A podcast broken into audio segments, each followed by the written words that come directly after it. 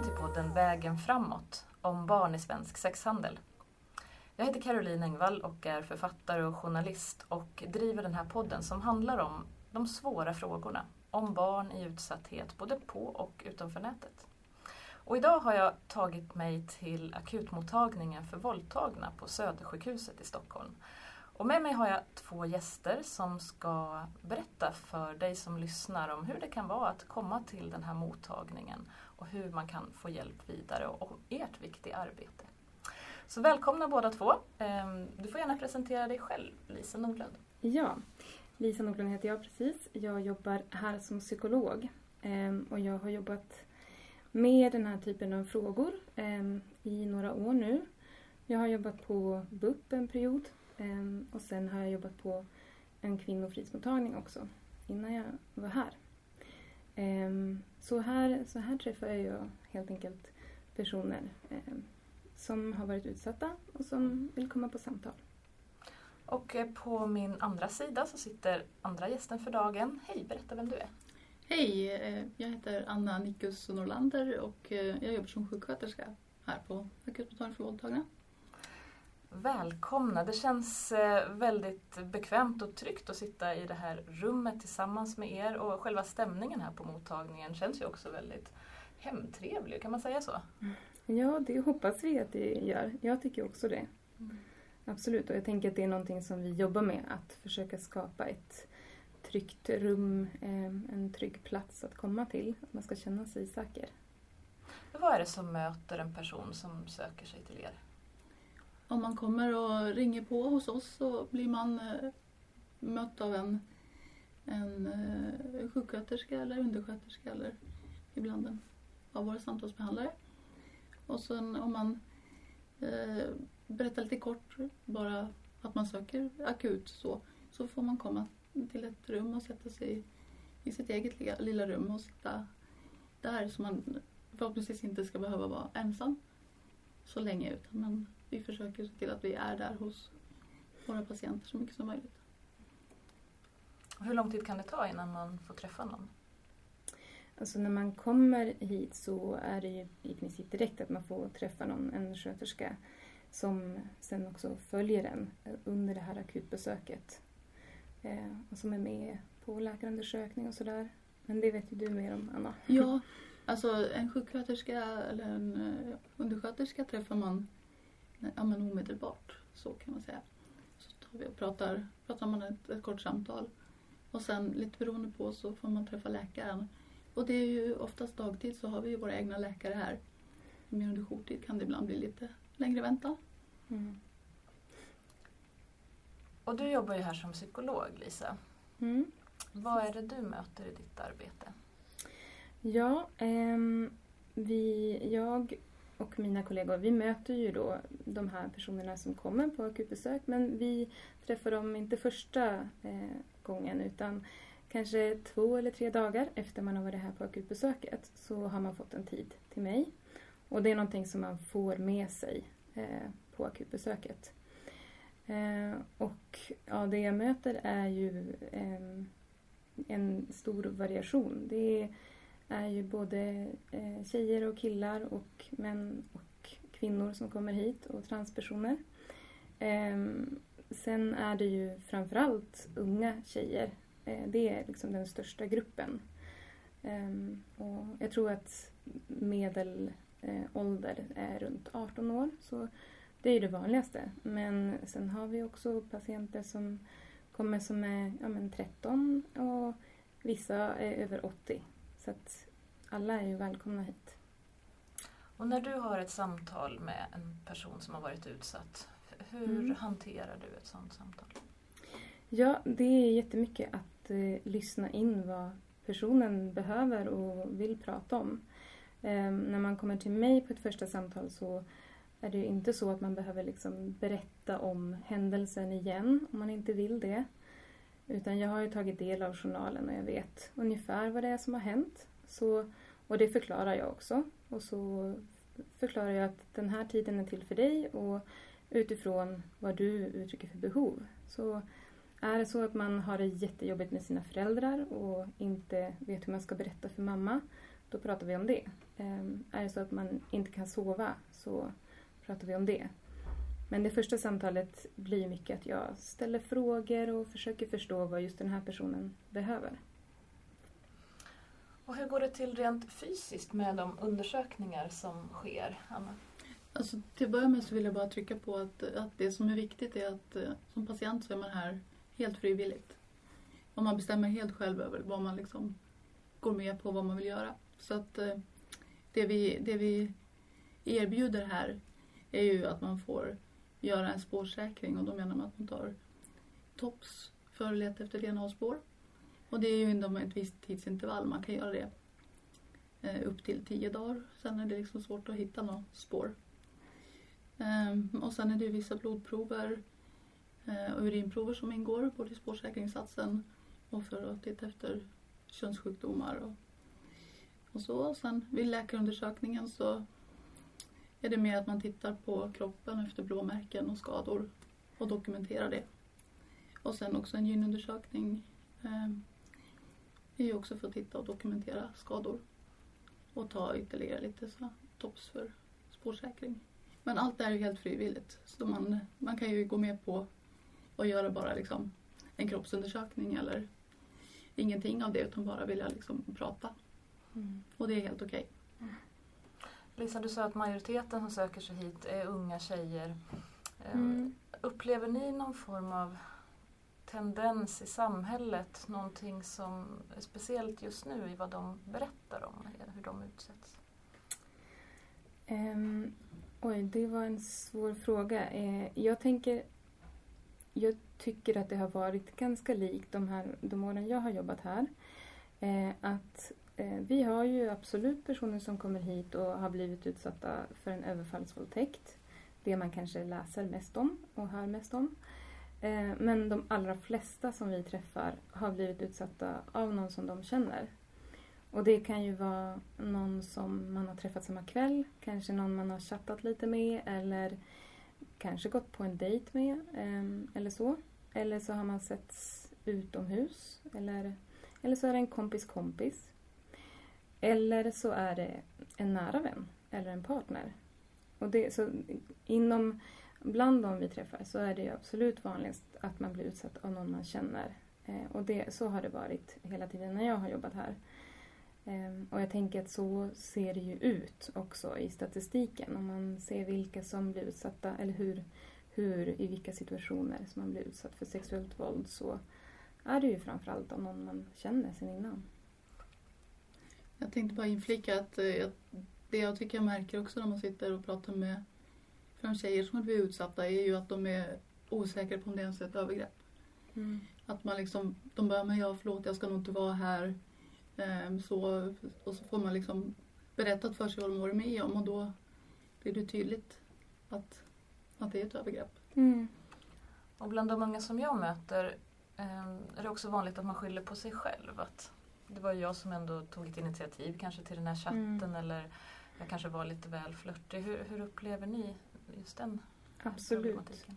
Eh, ja, jag, jag hör också det väldigt mycket. Eh, och jag tänker att nästan alla jag träffar känner ju skam och skuld kring det som har hänt. Även om man kanske vet om att det inte var ens fel. Lisa Nordlund, du jobbar ju som psykolog här på akutmottagningen för våldtagna. Hur möter man de personer som lägger så mycket skam och skuld på sig själva? Ja, jag tänker att det är väldigt vanligt att man gör det efter att ha blivit utsatt för sexuellt våld. Eh, Så oavsett egentligen vad som har hänt och hur det har gått till så märker jag att nästan alla jag träffar eh, lägger ansvaret på sig själv på något sätt. Och det kan ju vara en början att förklara det, att det här är jättevanligt och det är normalt att känna så. Fastän man kanske egentligen inte alls har någon del i det här. Sen tänker jag att det kan vara bra att, att försöka reda i vad, vad är det som just du känner skuld och ansvar för. Finns det kanske någon del i det som hände som du liksom ligger och grubblar på och eh, har fastnat vid att varför gjorde jag det där eller ehm, och, och så kan man Ehm, försöka ja, men göra tankeexperiment och liksom ja, men tänk dig att din kompis var med om det här ehm, och berättade det här för dig. vad skulle du tänka då? Skulle du tänka att det var hennes ansvar? Um, så, och, och, så får man hålla på så ett tag och, och liksom eh, grubbla tillsammans lite fram och tillbaka och tänka på hur man skulle tänka om andra personer som hade varit med om samma sak och sådär. Eh, och ofta så kommer man ju fram till att nej men egentligen så tycker jag inte att det var, eh, låg helt på mig utan det är ju faktiskt gärningspersonen eller ja, förövaren som bär ansvaret här. Eh, men det kan ju ta ett tag innan man liksom verkligen känner att det är så, även om man kan tänka att det är så. Och du som psykolog här har ju lång erfarenhet av att arbeta med ehm, både barn och unga och vuxna som har varit utsatta. Hur möter man en person som har svårt att prata om det man har varit med om? Ja, eh, jag tänker att då försöker jag förstå varför man har svårt att prata om det. Att eh, man kan ju liksom tillsammans eh, försöka reda i, vad är det, ligger det några tidiga dåliga erfarenheter bakom? Kanske att man har försökt prata men inte fått något bra bemötande till exempel. Ehm, eller så kan det vara så att man kanske har svårt med orden. Ehm, jag tänker att vi fungerar på olika sätt och för vissa kanske det är lättare att ja, men beskriva och förklara eh, på sätt som inte har att göra med att prata. Ehm, man kanske kan rita eller så. Ehm, men ofta så kanske det är en, en rädsla för att bli missförstådd eller att man inte vill Många som jag möter säger att man inte vill besvära andra eller och man är rädd för hur det ska tas emot. Ehm, så ofta kan det bara handla om att man behöver lite tid och att man behöver känna att det här är en person som jag kan lita på och ja, ehm, att, att få ett förtroende. Ja, hur skapar man det här viktiga förtroendet när man har ganska kort om tid? Ja, alltså vid akutbesöket, det känns ju som att vi försöker ju känna att man ändå har tid. Alltså att man ska känna att, man, att vi har tid för de som söker till oss. Och det är ju ingen vanlig akutmottagning här om man tänker som där alla springer kors och tvärs och är jättestressade. Utan vi har ju tiden på ett annat sätt. Och sen också att vi, vi trycker på att man ska inte behöva berätta hela historien för mig först och sen upprepa det för läkaren igen. Utan det, det är viktigt att veta att man liksom, vi behöver ju få, histor- få, få höra att de får berätta för oss så att vi kan skriva en ordentlig journal men man, vi kommer sen att rapportera vidare liksom, till läkaren inför läkarundersökningen. Så man inte behöver upprepa historien gång på gång. Här och, och visst är det så också att man inte behöver berätta för polisen? Man behöver inte berätta någonting för polisen. Polisen har ingen aning om att, att du har sökt hit om inte du vill att polisen ska få reda på det. Så att vi, vi har ju ingen, vi meddelar ju ingenting till polisen, inte om spårsäkringsinsatser eller någonting. Utan de sparar ni hos er? Ja, de sparar vi hos oss i upp till två år. Mm. Ja. Okay. Hur går du tillväga Lisa som psykolog för just att vinna det här förtroendet? Ja, eh, jag tänker att jag tror ju att själva miljön eh, och rummet är en del i det. Att man får prata i enrum. Ehm, och sen, sen tänker jag att det som sagt mycket handlar om tid. Eh, att man behöver få tid på sig och att det ska få ske i ens egen takt. Um, och så tänker jag att jag försöker vara en person att lita på såklart.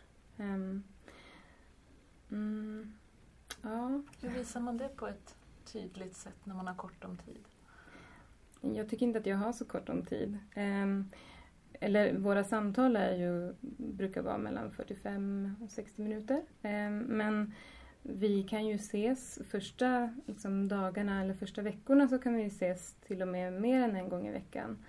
Eh, sen brukar vi inte ha så långa kontakter här, mest för att det inte brukar behövas eller att man kanske behöver hjälp på något annat ställe framförallt. Men behöver man ses 10-15 gånger så finns det absolut utrymme för det.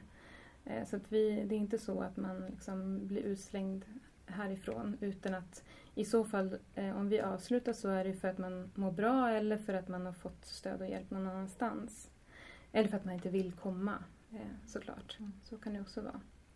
För tre år sedan så bytte ni namn från akutmottagningen för våldtagna kvinnor till att eh, bara heta akutmottagningen för våldtagna också för att män och transpersoner skulle känna sig välkomna. Hur upplever ni att den förändringen har varit? Det känns ju väldigt positivt tycker jag. Eh, jag tror att vi alla Mm. tycker det. Ja. Ehm, sen så tror jag att vi också kan känna att vi behöver nå ut till den målgruppen bättre. Ehm, och vi har också haft, vi var på Pride nu i somras till exempel. Eh, men, men det är klart att det är viktigt att vi eh, syns och att det, att det syns att vi är öppna för alla. Jag tror att mång, dels så är det ju så att man kanske har en föreställning om att det bara är kvinnor som, eller tjejer som kan bli våldtagna. Men sen kan det också såklart hänga kvar den här informationen om att vi är för kvinnor. Men så är det ju alltså inte utan vi är för alla oavsett kön. Hur upplever ni, upplever ni att det finns någon skillnad mellan kvinnor och män som söker ehm, i hur lätt eller svårt man har att berätta om det man har varit med om? Jag kan väl... mm, Alltså lite grann mer att det känns som att jag har en känsla av att det kanske är om man har kommit hit och tagit steget och sökt hit så känns det Mm. som att jag har en känsla av att då, då kan man också liksom då vågar man berätta om det och kan berätta om det. Jag är ju att det är många män och transpersoner som inte söker sig hit och som kanske inte vet om att vi finns eller inte, inte vågar klara av att komma hit. Ja, och jag tänker att eh, precis, en del är att man inte har information om att vi finns men jag tänker för transpersoner så vet vi också att det är många som inte litar riktigt på vården för att man har Mm. dåliga erfarenheter av bemötande och så. Så att det är ju någonting som vi behöver jobba med såklart. Att se till att vi är inkluderande och välkomnande till alla. Eh, Så vi hoppas ju att eh, allt fler ska våga och kunna komma hit. Jag tänker också att eh, det kan vara bra att veta om att, att våra journaler, alltså vi allt är ju väldigt frivilligt här, allt är frivilligt här. Och att våra journaler är ju liksom, vi är en skyddad enhet. Mm. Så våra journaler syns ju inte inom andra instanser, liksom om man söker vård någon annanstans. Och det kan ju vara skönt för många att veta om också. En grupp som jag ofta möter är ju de framförallt unga personer som använder sex som en form av ångestdämpning. Ehm, möter ni också den målgruppen här? Det skulle Ja. jag säga. Absolut. Det gör vi. Vad berättar de för er? Ja, de berättar ju om övergrepp såklart. Eh, och sen kan det ju framkomma, dels kan det vara så att det kanske är personer som kommer flera gånger. Så att, att vi därför förstår att det här kanske är någonting som man gör för att skada sig eller eh, dämpa ångest.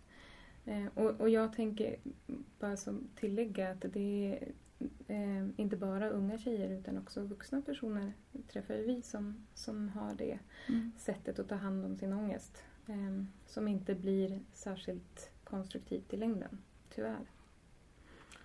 Hur kan du som psykolog möta dem?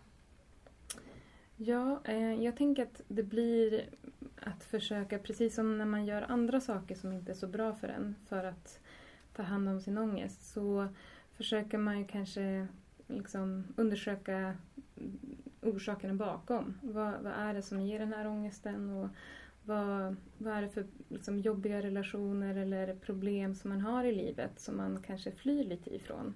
För man kan tänka att det är lite en, en flykt, ett sätt att kanske dämpa ångesten för stunden men som kommer kommer tillbaka.